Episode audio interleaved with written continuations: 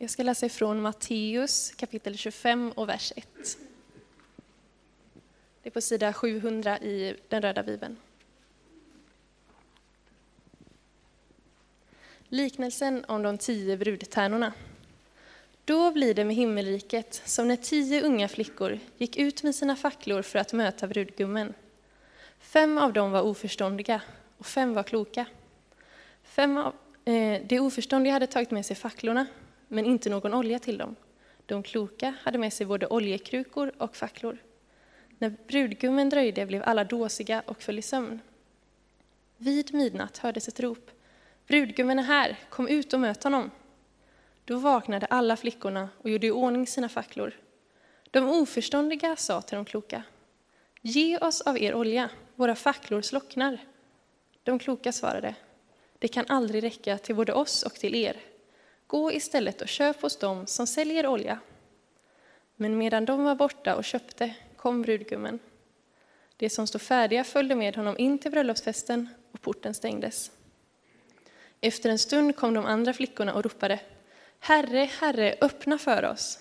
Men han svarade Sannerligen, jag känner er inte. Håll er därför vakna. Ni vet inte när dagen och timmen är inne. Så lyder det heliga evangeliet. Idag när vi alla vaknar upp, om man har tidningar hemma eller om man börjar dagen med att följa ett socialt flöde så ser nästan alla första sidor på dagens nyheter och media likadana ut. Det är en bild från Frankrike, från Paris. Det är sorg, det är chock, det är förstämning. Och så kommer naturligtvis frågan, hur ska man förstå detta som har hänt? Och det kopplas på ett band av analytiker och människor som är experter. Och så ska man försöka förstå detta och så ställer man sig själv frågan mitt i allt detta, utöver analys och förståelse, vad ska man göra? Och vad kan man göra i detta nu? Det är ärendet för den här predikan. Natten mellan fredagen och lördagen så följde jag själv socialt flöde och började ta emot nyheterna om människor som hade skjutits, som hade dött. Och siffran bara ökade och ökade och ökade. Och kort därefter, nästan i början på detta flödet, så dök det upp en annan bild.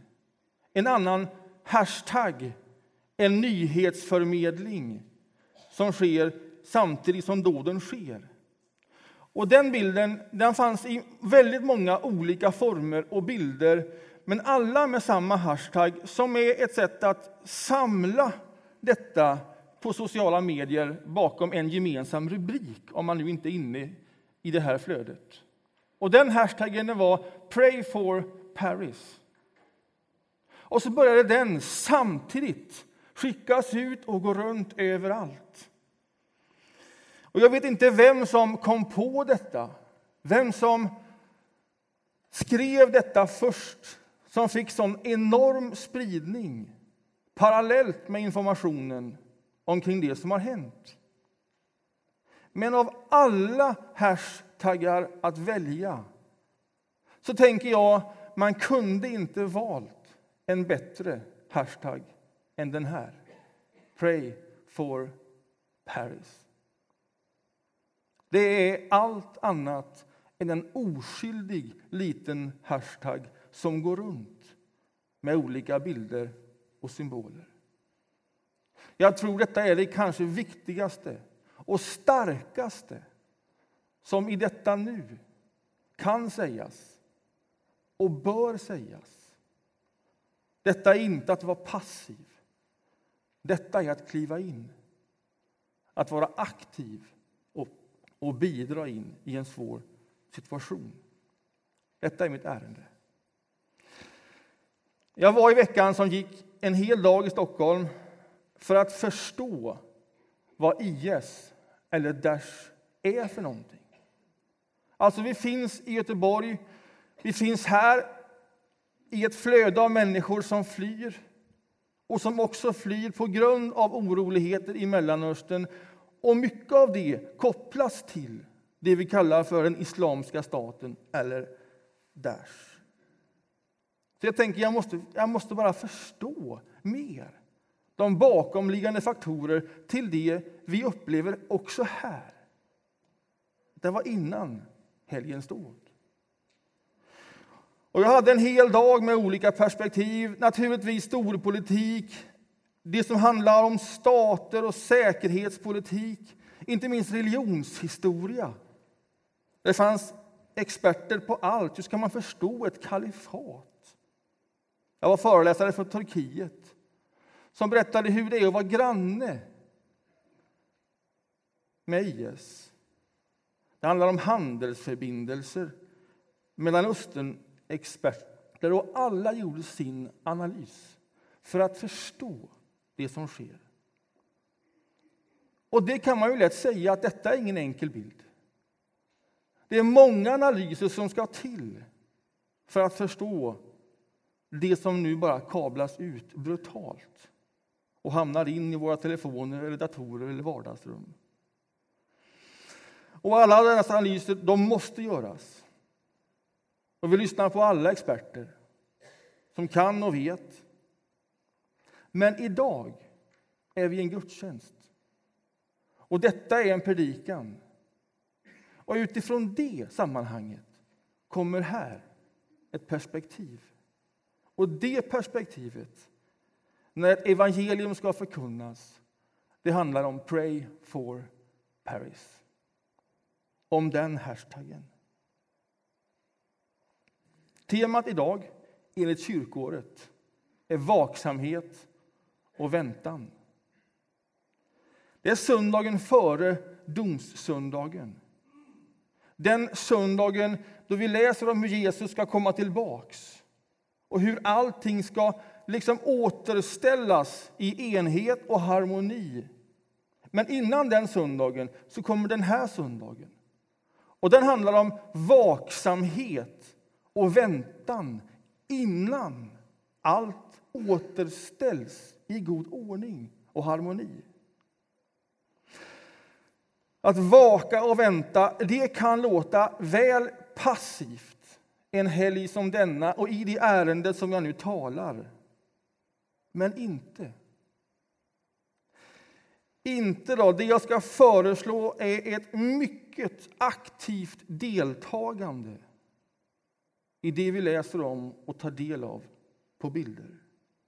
Att vara vaksam och att vänta i detta perspektiv är att vara allt annat än passiv. Det handlar om att hela tiden befinna sig i beredskap. Att vara vaken, att hålla ut, att inte ge upp. Och Det är uttryck som igen och igen och igen återkommer i Nya testamentet. Håll ut, var vakna, ge inte upp, var beredda. Vad betyder det? I vår nattvardsordning så har vi ett uttryck som vi alla bekänner och uttalar gemensamt. Och Det lyder så här. Kristus, din död förkunnar vi. Din uppståndelse bekänner vi till dess du kommer åter i härlighet. Detta är ett kondensat från ett längre resonemang som Paulus har i Första Korintierbrevet 15. Där han skriver till församlingen och så säger han okej, okay, nu tar vi grunderna igen. För utan detta finns ingenting av det vi tror på. Jesus Kristus, han har dött. Och om det börjar ifrågasättas, då svajar allting. Och likadant att Jesus har uppstått. Om det börjar svaja, då svajar allting. Varför då? Jo, detta är grunden för hela vår tro. Detta är det vi bekänner, att Jesus har dött. Det vill säga, Jesus vet allt om vad lidande är. Han vet det hela vägen fram till döden. Och när hela omgivningen tittar på det sättet som Gud tar sig an vår värld och man ser att han dör, då tänker man sig så var det inte mycket med det. Men så var det visst mycket med det. För det var hans sätt att visa solidaritet. Ja, mer än så, det är ett för tunt ord. Att gå en människas väg hela vägen in i det yttersta av fiender, det vill säga död. Och väl där, hantera det så att livet vinner över det igen. Och så uppstår han. Detta är grunden för vår tro, säger Paulus. Och inte bara det. Detta är nämligen grunden för det som ska komma, det vill säga att han, Kristus, ska komma tillbaks i härlighet. Det vill säga det som vi har sett gestaltats i död och uppståndelse ska ske, inte bara med honom utan med alla människor och hela skapelsen. Livet ska vinna. Och här emellan då ska makter och krafter bekämpas och förintas. Så står det skrivet. Och till sist så ska den yttersta av fiender bekämpas, och det är döden. Den är fortfarande vid liv, men också den ska försvinna. Så att på den dagen när han kommer tillbaks i härlighet då ska Gud bli allt och över allt. Ta in de orden. Allt det här ska ske så att Gud blir allt och överallt. Det är liksom grejen. Men det är nästa söndags tema. Så när vi läser dagens text då hamnar den texten och liknelsen precis emellan Jesu död och uppståndelse och att han ska komma åter i härlighet. Det vill säga, när vi nu lever den här tiden, hur ska man tänka om den här tiden? För vi är ju inte här borta, vi är ju här. Och det är in i den perioden som Bibeln igen och igen och igen säger ge inte upp, ge inte upp, håll ut. Ja, mer än så. Var beredda, var vaksamma, var nyktra är ett ord som används. Vad betyder det att inte ge upp? Vad betyder det att vara vaksam? Att inte, vad är detta då? Ja, då kommer den här berättelsen som Jesus ger oss om de tio unga flickorna som går ut för att möta en brudgum med facklor. Fem är kloka och fem är oförståndiga. Det här är en bild från ett bröllop. Här skulle man göra någon sorts förflyttning av brudgum och brud mellan de olika hemmen. Och där skulle man följa med den här förflyttningen in i en fest med hjälp av facklor. Exakt hur det här ser till, det vet vi inte. Man vet inte mycket om bröllopsfester där och då. Men det är heller inte viktigt. Därför att en liknelse den ska inte tolkas i varje sin del. Det är ett effektivt sätt att gå vilse. En liknelse har en poäng, och den ska man få fatt i. Så vad är då poängen? Ja, för att förstå den poängen då ska man se det i detta sammanhanget här. Här säger Jesus någonting om att vänta. Ja, han ger ifrån sig poängen väldigt tydligt. Han säger själv så här. Därför, håll er vakna. Det är hela poängen. Håll er vakna, ni vet inte när dagen och timmen är inne. Dagen och timmen som är den stora befrielsen, när Gud blir allt och i alla.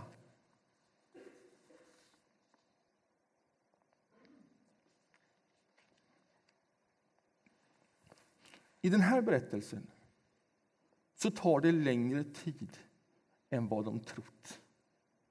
Det är liksom catchen. Nog för att det är fem kloka och fem oförståndiga, men alla tio somnar. Alla tio somnar. Det tog längre tid än vad de hade trott mellan uppståndelsen och återkomsten. I detta perspektiv ska liknelsen om att hålla ut förstås. Det tog liksom längre tid. Och när det tar för lång tid då kan ju alla sorters processer dra igång och man kan undra Kommer det verkligen ske? Kan man lita på detta? Ska vi ta saken i egna händer? Ja, hur ska man förstå denna väntan när den drar ut på tiden?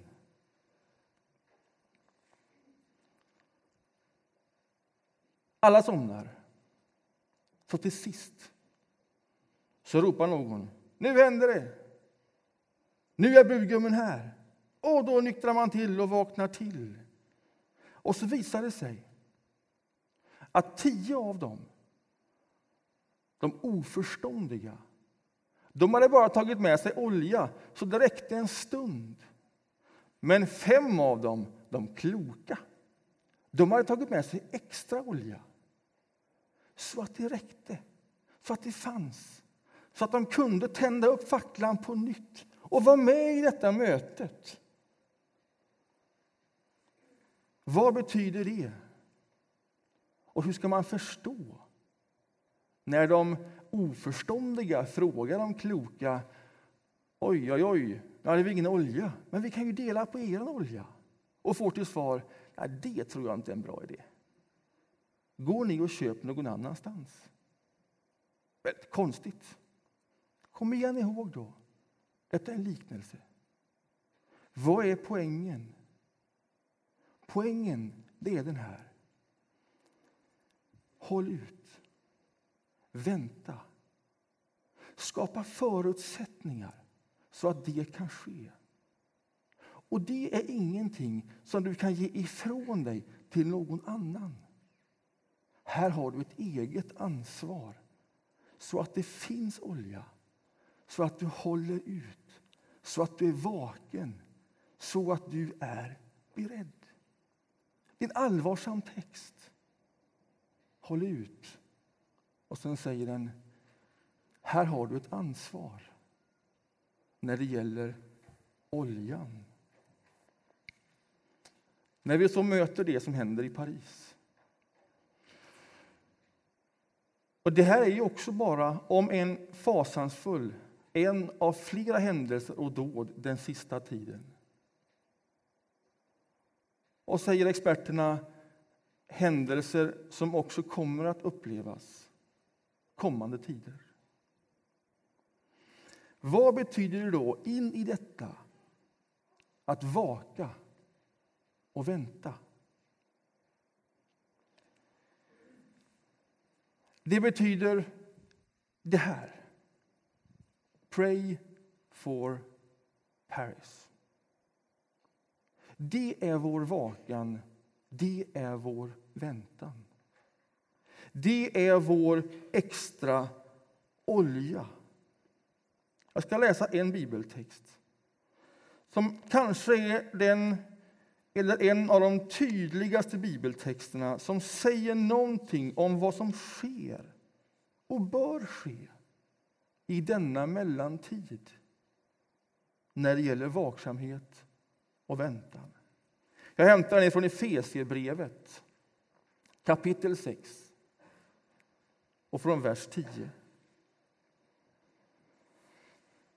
Det står så här, hämta nu styrka hos Herren av hans oerhörda kraft. Ta på er Guds rustning så att ni kan hålla stånd mot djävulens lumska angrepp. Nu kommer det där igen. Det där som Paulus tidigare har varit på och som vi inte så ofta talar om här i vår miljö och gudstjänst.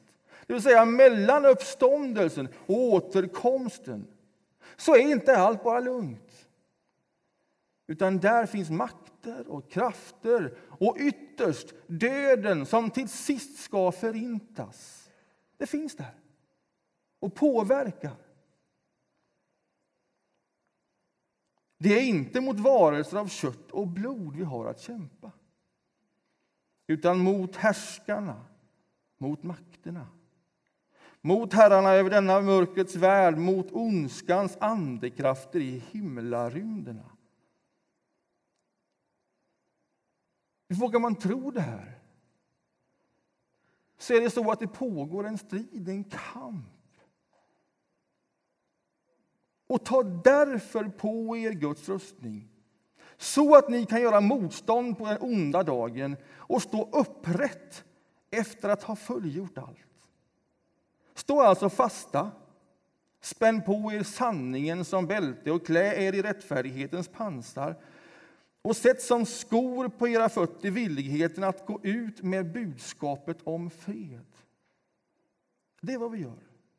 Håll ständigt trons sköld framför er. Med den ska ni få den ondes alla brinnande pilar att slockna och grip frälsningens hjälm och Andens svärd, som är Guds ord. Gör det, lyssna, gör det under åkallan och bön och be i er ande varje stund. Därför ska ni hålla er vakna och aldrig tröttna i er bön. För alla de heliga, be också för mig, säger Paulus. Pray for Paris, det är allt annat än en oskyldig liten hashtag. Av alla hashtaggar att välja kunde det inte valt en mer kraftfull sådan om man hörsammar uppmaningen att faktiskt be för Paris. Detta är det sätt varpå vi vakar och väntar. Och det är allt annat än passivt. Mellan uppståndelsen och återkomsten pågår den här kampen. En andlig kamp som nu och då görs synlig så att vi kan se den, påminnas om den, drabbas av den. Och det sker ju inte bara långt här borta. Det är någonting som vi alla arbetar med. Krafter och makter som vill söndra och splittra, och dra isär och destabilisera. Vad gör vi då? Hörde vi det? Arbeta med sanningen, rättfärdigheten med villigheten att gå ut med budskapet om fred. Att inte ge upp, utan att fortsätta på det sättet. Gör det här. Gör det i tron. Gör det i din frälsning. Gör det i Andens kraft. Gör det med Guds ord. Och allt detta, gör det, nu citerar jag, under åkallan och bön. Be i er ande varje stund. Därför mina vänner, därför ska vi hålla oss vakna och aldrig tröttna i vår bön för de heliga. Bönen är den där extra oljan, det man själv ansvarar för som man inte bara kan ge bort till någon annan och hoppas på det bästa. Jag har ett eget ansvar. Jag finns också i den här tiden mellan uppståndelse och återkomst. Och det är som om Gud räknar också med mig lilla mig i detta. Kliv in i detta. Du är inte åskådare. Du lever här. Och så säger Jesus till oss att när ni ber, då ska ni be så här. Ske din vilja, gode, helige Fader, och låt den ske så som i himlen, så också här på jorden. Och varför säger han till oss att be så? Det borde han ju inte sagt om allting var bra. Eller hur? Om Guds rike redan var här. Om det var fullt här. Men det är inte fullt här. Det genomsyrar ännu inte allting. Det är bara en tidsfråga innan Gud blir allt och överallt. Men nu är det inte så. Och därför säger Jesus när han kallar sina lärjungar, ni ska be så här. Ni ska be så här, att Guds riket, att det blir påtagligt, att det blir synligt här på jorden som det är i himmelen. Det är som om en del saker måste bes fram, bes in, förberedas i bön. Varför? Därför att det är en andlig fråga. Att vi befinner oss i en kamp där makter och krafter spelar sitt spel. Och där är vi indragna. Där ska man inte vara naiv. Man behöver säga vad det är. Men man ska inte heller vara rädd. Därför att Guds rikes genombrott är i vardande. Var så säker. Det är lika säkert som att Jesus har dött och faktiskt uppstått. Det är bara en tidsfråga. Men under den tiden, håll ut. Vaka. Vänta. Ge inte upp. Pray for Paris. Bönen och bekännelsen den påverkar de bakomliggande faktorerna till det vi ser.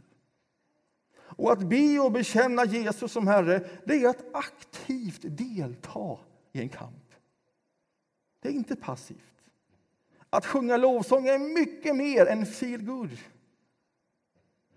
Det är en stark bekännelse in i en värld som vi inte ser med ögat men som ändå påverkar allt det vi ser med ögonen.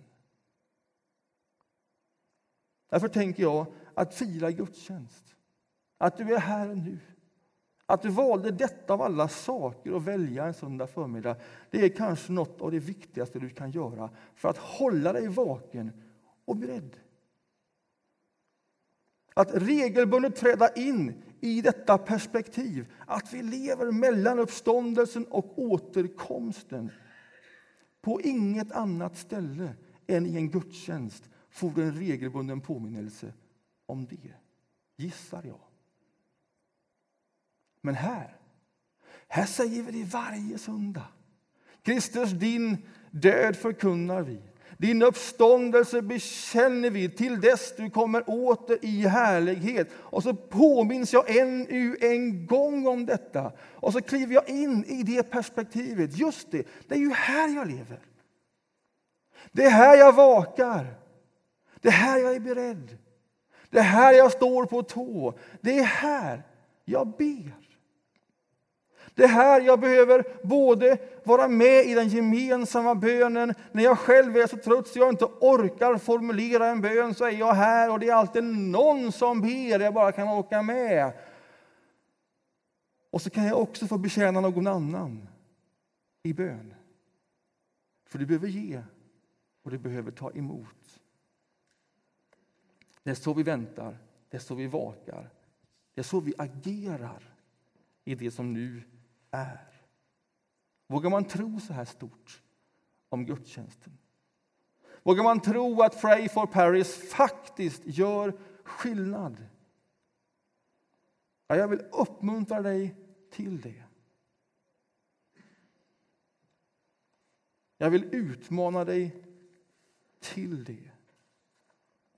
Du behöver inte gå in och kriga mot makter och härskare.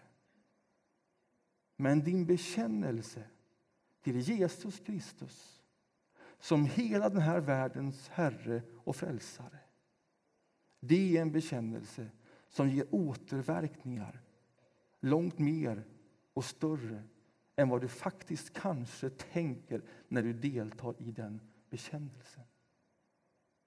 Våga tro så om bönen och bekännelsen. Nu ska vi lyssna till Felicity. Och sen ska vi ta emot bröd och vin. Och här finns en ljusbärare och vi känner den sedan tidigare. Idag kommer välsignelsestationen stå här nere i barnrummet. Och så kommer vi ha våra förebedjare i det här rummet här, som är förberedda för att be för dig. Det kommer ligga bönekort för konfirmanderna på bordet, som du kan ta med dig hem. Låt mig ge oss uppmaningen att när vi sen efter förberedelsen bjuder in i den här rörelsen, att då överfylla ljusbäraren. Det är inte en oskyldig liten handling man gör. Det är en kraftfull handling, för det handlar om bön. Och gå och ta emot en personlig välsignelse och få korset tecknat på din panna. Och om du inte har gjort det någon gång förut, så gör det idag. Ta emot Guds välsignelse över ditt liv.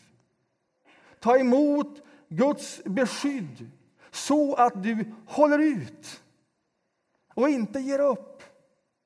Ta emot det. Vi behöver alla det. Och låt någon få be för dig. Förbe för, för din egen uthållighet. Och om du aldrig har gjort det, eller det var länge sedan, så bara gör det som en viljehandling. Låt någon få be för dig. Det gör skillnad för dig, men inte bara för dig. Det är större än så. Amen.